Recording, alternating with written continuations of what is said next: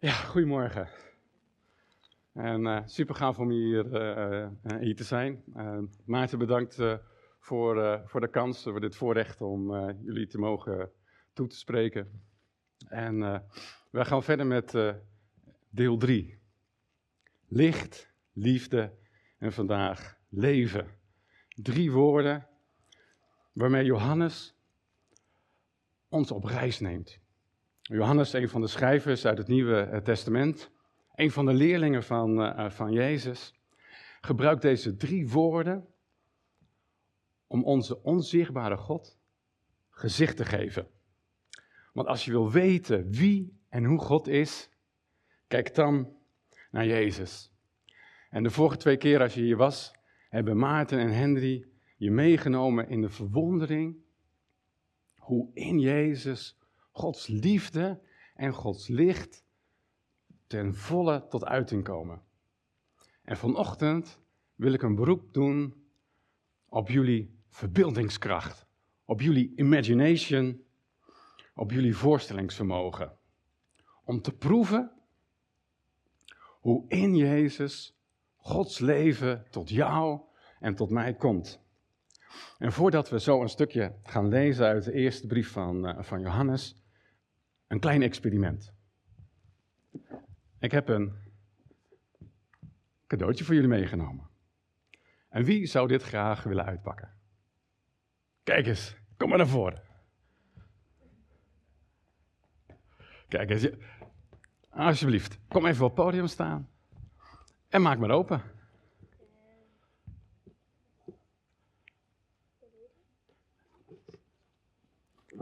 Aan de onderkant.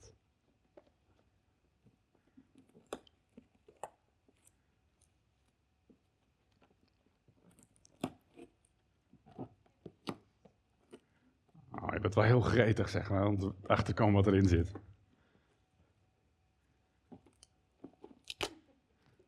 Zo. Nou, vertel eens, wat zit erin? Een mars. Een mars? Een slikker. Ja. En een milkway. Een milkway. Oh, dus, en wat staat erop? Doe een wens. Doe een wens. Ja. Hé, hey, ga maar weer zitten, dankjewel. Neem maar mee. Mag, ja, die is voor jou.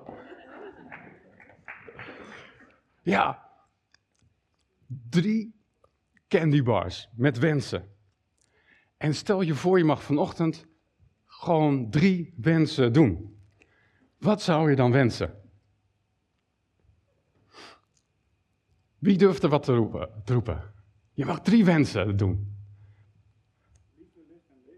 Liefde, licht en leven. Ja, dat is een heel christelijk antwoord. Ja, vertel. Ja, vakantie? vakantie voor gerechtigheid in de wereld en misschien nog wat anders. Zijn jullie zo wenseloos vanochtend? Vrede. Vrede? Nou, je mag, je mag best wel wat egoïstisch zijn vanochtend hoor. Een caravan, kijk. Kijk, dat is mooi. Nou, goed. Ja. Zeg het maar, Carolien. Of een camper. ja, is... Nee, maar goed, uh, ik had eigenlijk wel verwacht dat er nog een slimmerik hier uh, zou, zou, uh, zou zijn. Zo, weet je wat, nou, drie wensen, weet je. Als derde wens stel ik nog drie wensen. Ja, precies. Dus ik wens nog meer, nog meer wensen. Maar, nou goed, maar, maar wat je nu doet, zeg maar, is je gebruikt je voorstellingsvermogen, je verbeelding, om woorden te geven aan een verlangen wat in je zit. En goed, en dat kan gerechtig zijn, gerechtigheid, vakantie, een camper zijn. Of uh, dat die jeuk in mijn grote teen, zeg maar, er eens een keer weg mag, uh, mag gaan. Maar hou die gedachte vast, zeg maar, dat je verlangens um, dingen die, waar je naar hunkert, dat God die kan gebruiken om je dichter bij Hem te brengen. We gaan lezen. De eerste brief van Johannes. En Johannes die laat er geen gras over groeien, geen openingszin, geen groet of wens. Hij valt, bam, meteen met de deur in huis. Wat er was vanaf het begin, wat wij gehoord hebben, wat wij met eigen ogen gezien en aanschouwd hebben, wat onze handen hebben aangeraakt, dat verkondigen wij. Het woord dat leven is. Het leven is verschenen, we hebben het gezien en getuigen ervan. We verkondigen jullie het eeuwige leven dat bij de Vader was en aan ons verschenen is. Wat wij gezien en gehoord hebben, verkondigen we ook aan jullie, omdat ook jullie met ons verbonden zijn. En verbonden zijn met ons is verbonden zijn met de Vader en met zijn Zoon Jezus Christus. We schrijven jullie deze brief om onze vreugde volkomen te maken. Oké. Nou, moet, dit moet je even op je laten inwerken. En wat Johannes hier in een overvolle zin zegt, is dit. Jezus heeft mijn ogen geopend om te zien wat echt leven is. Het leven zoals God dat bedoeld heeft vanaf het allereerste begin. En dat vind je in Jezus alleen. Jezus belichaamt het enige echte leven. En, en daar zegt Johannes van, daar ben ik samen met de andere leerlingen ooggetuige, oorgetuige en handgetuige van. En waarom schrijf ik jullie deze brief? Omdat ik zo graag wil dat jullie, net als wij, deel krijgen aan het echte leven. Dat jullie het echte leven gaan leven, want daar word je pas echt blij van. Maar hoe ziet dat echte leven er dan uit? Dat verklapt Johannes nog niet. Het enige wat hij hier doet, is ons wijzen waar, of beter gezegd bij wie, het echte leven verkrijgbaar is. En in hoofdstuk 5 vat hij dat nog eens even kort en bondig voor ons samen. Dit getuigenis luidt: God heeft ons eeuwig leven geschonken en dat leven is in zijn zoon. Wie de zoon heeft, heeft het leven. Wie de zoon van God niet heeft, heeft het leven niet. Dit alles schrijf ik jullie omdat jullie moeten weten dat jullie eeuwig leven hebben. Jullie die geloven in de naam van de Zoon van God.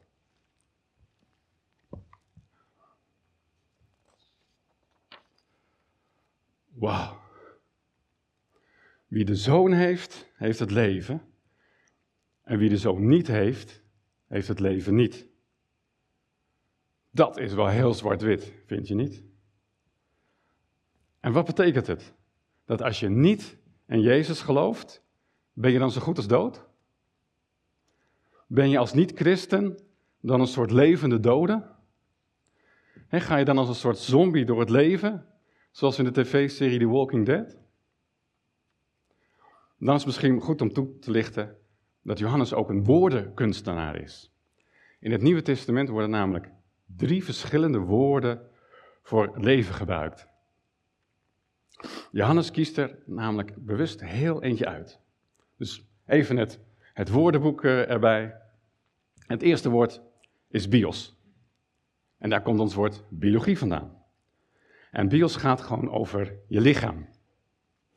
Het tweede woord is, is psyche. Wat wel, dat wordt met leven, met ziel uh, vertaald. Het komt terug in ons woord psychologie. En als bios over de buitenkant gaat, gaat psyche over de binnenkant. Over ons innerlijk leven, wat we voelen, wat we denken, wat we willen. Want zo heeft God ons gemaakt. Even een flashback naar het allereerste begin. Toen eh, de Heer God vormde de mens uit het stof van de aardbodem, ons bios, en blies de levensadem in zijn neusgaten. En zo werd de mens tot een levend wezen, ons psyche. En dan is er nog het derde woord, zoe. En ik heb het eventjes opgezocht, zoologie. Blijkt inderdaad een echt woord te zijn. Het is uh, een vorm van uh, dierkunde. Maar helaas zet dat ons op het verkeerde been. Want zoe gaat in de Bijbel niet over dieren, maar over God. als Johannes het woord zoe gebruikt, dan bedoelt hij het leven dat God uit zichzelf heeft. Je zou het het DNA van God zelf kunnen noemen. En daarom plakt hij er af en toe ook het woordje eeuwig aan vast. Het eeuwige leven is een unieke eigenschap van, van God. Want alleen God is eeuwig. En het leven van God, dat is dus ook nooit geschapen. Het heeft altijd bestaan. Het leven van God kent geen begin of een einde. En het leven wat God van nature heeft, zijn DNA, is zo anders en zoveel hoger dan ons bios en ons psycheleven. Oké, maar hoe werkt dat? Hoe werkt die bios en die psyche, hoe werkt dat nou? Nou, denk gewoon even, even met, uh, met me mee.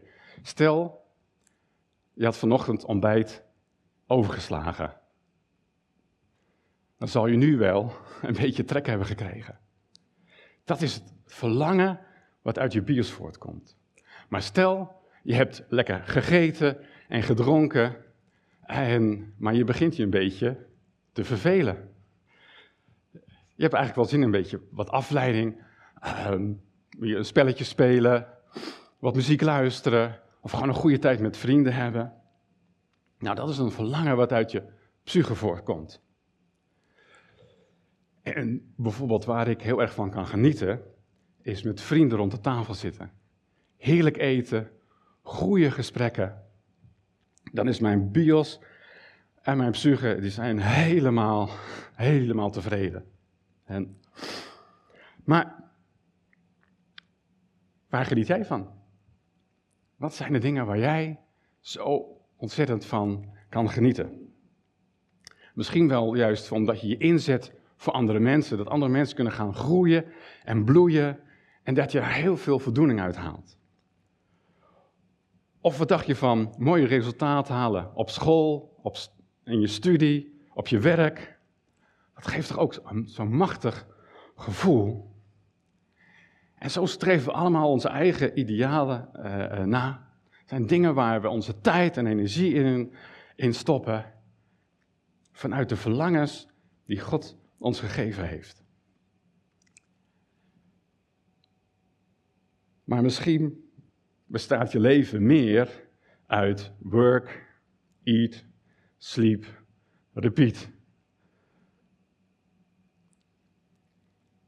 Je wordt zo in beslag eh, genomen door de beslommeringen van je school, van je studie, van je werk, je gezin, dat je meer aan het overleven dan aan het leven bent. En dat voelt misschien wel alsof je zeg maar in Groundhog Day zit, waarbij elke dag dezelfde dingen gebeuren en waar maar geen einde aan komt. Alsof je in je eigen tv-serie zit, waarbij elke dag een herhaling is van de vorige dag. Zodat je s'avonds het liefste moe op de bank, um, dat je moe op de bank ploft en een Netflix-serie wegpincht. Even ontspannen. Neven niks aan je hoofd. Even geen lastige mensen. Of misschien voeg je liever nog een christelijk tintje aan je leven toe. En is het nu huisje, boompje, beestje en een evangelisch feestje. Hè? Je bent misschien niet meer zo gericht op succes, maar je bent op zoek naar meer van Gods zegen. Naar meer van Gods geest, naar wonderen, naar tekenen. En je bent zo druk in de weer voor de Heer, dat je hem zelf uit het oog verliest en er maar een beetje loopt te stressen.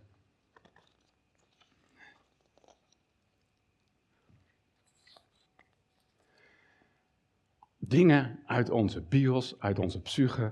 En begrijp me goed, op zich zijn deze dingen niet verkeerd.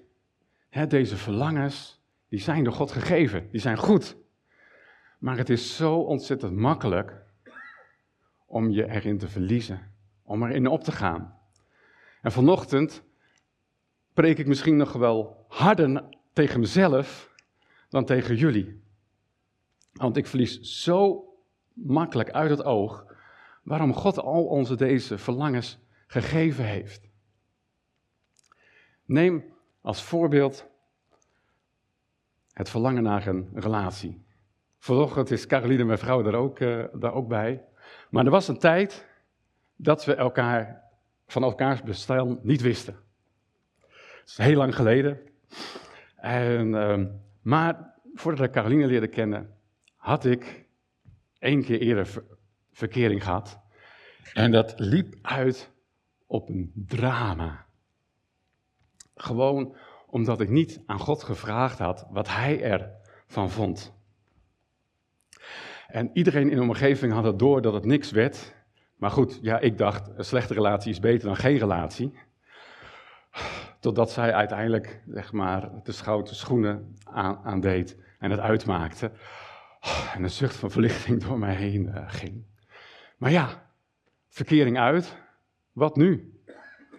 Dus ik dacht, ja, ik heb het. Heere God, u heeft mij gemaakt. U heeft mijn toekomstige vrouw ge, uh, gemaakt. Daarom kan ik het beste aan u overlaten. Blijkbaar ben ik niet in staat om de juiste vrouw voor mezelf uit te kiezen. U wel, u regelt het wel. Amen. Een tijdje later vroeg de Heer: Maar wat als ik je nou eens geen vrouw geef? Oh, oh, oh, oh, u heeft het niet goed begrepen. Zeg maar van, ik wil heel graag een vrouw. Die heb ik echt nodig, dat weet u toch? En de Heer zegt van, nee Mark, stel nou dat ik je geen vrouw geef. Ben ik dan nog steeds genoeg?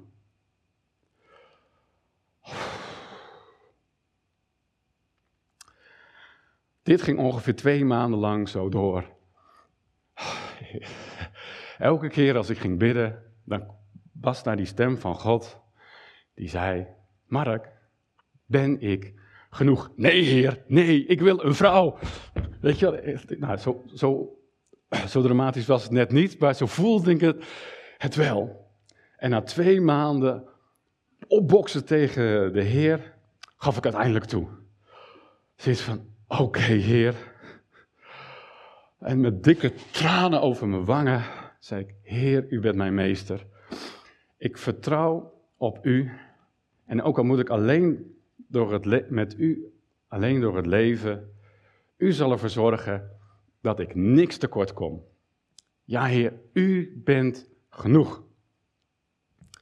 En wat gebeurde er een week later? Ik ontmoette Caroline. Weet je, de Heer die kende mijn verlangen, maar pas toen ik alles uit handen durfde geven en mijn handen leeg waren, kon ik ontvangen wat God mij wilde geven. Eind goed, al goed? Nee, dit verhaal is nog niet af. Want wat blijkt, Caroline is niet genoeg. Ik ben niet genoeg.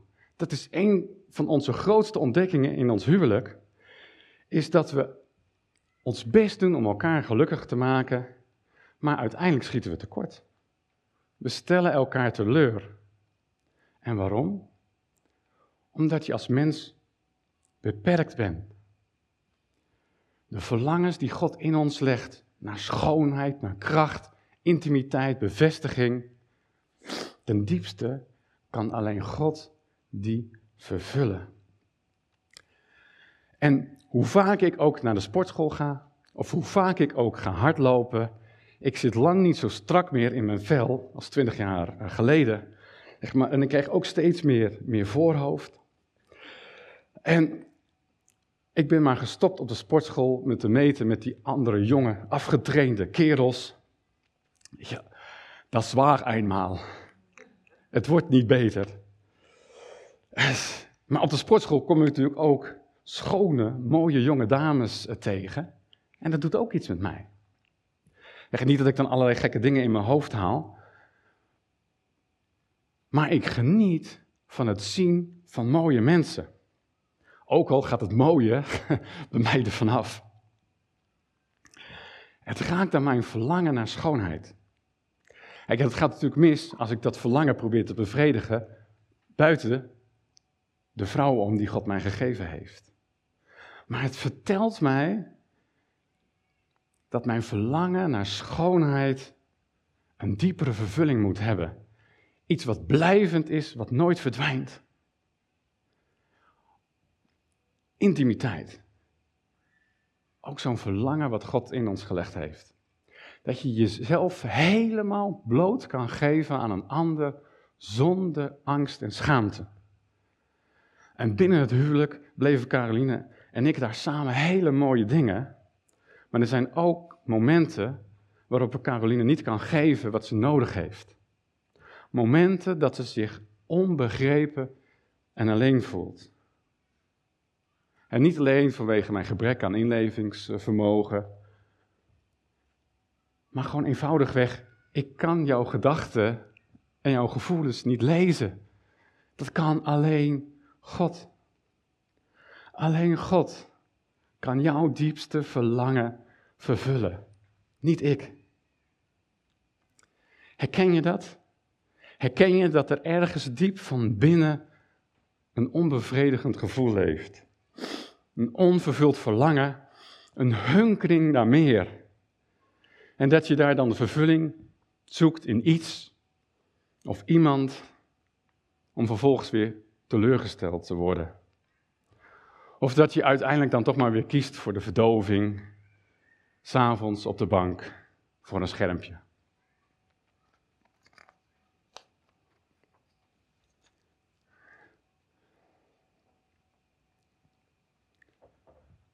Maar godzijdank laat Jezus ons niet zomaar wat aantobben, aanmodderen of wegkwijnen. Hij wil dat wij het echte leven leven, zoals God dat bedoeld heeft. En Jezus heeft daar zelf de allerhoogste prijs voor betaald. Hij maakte de allergrootste ruil ooit mogelijk. Eh, volgende slide alsjeblieft. Uit liefde voor ons en uit liefde voor zijn vader gaf Jezus zijn leven, zijn psyche op.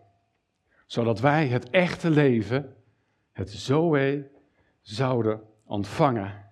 En niet zomaar een beetje, maar overvloedig rijk. Jij en ik zijn bedoeld om Gods leven te ontvangen. Je bent bestemd om zijn kind te zijn, zijn dochter, zijn zoon. Je bent beschikt om echt contact met God te hebben.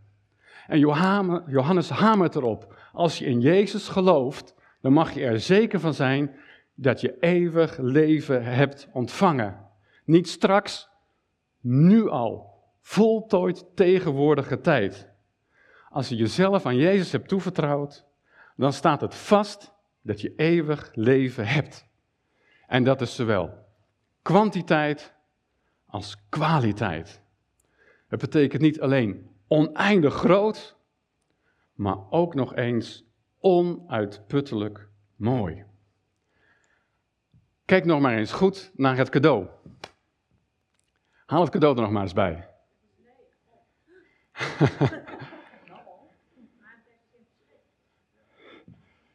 Kijk eens, wat, wat, wat, zit, er, wat zit erin?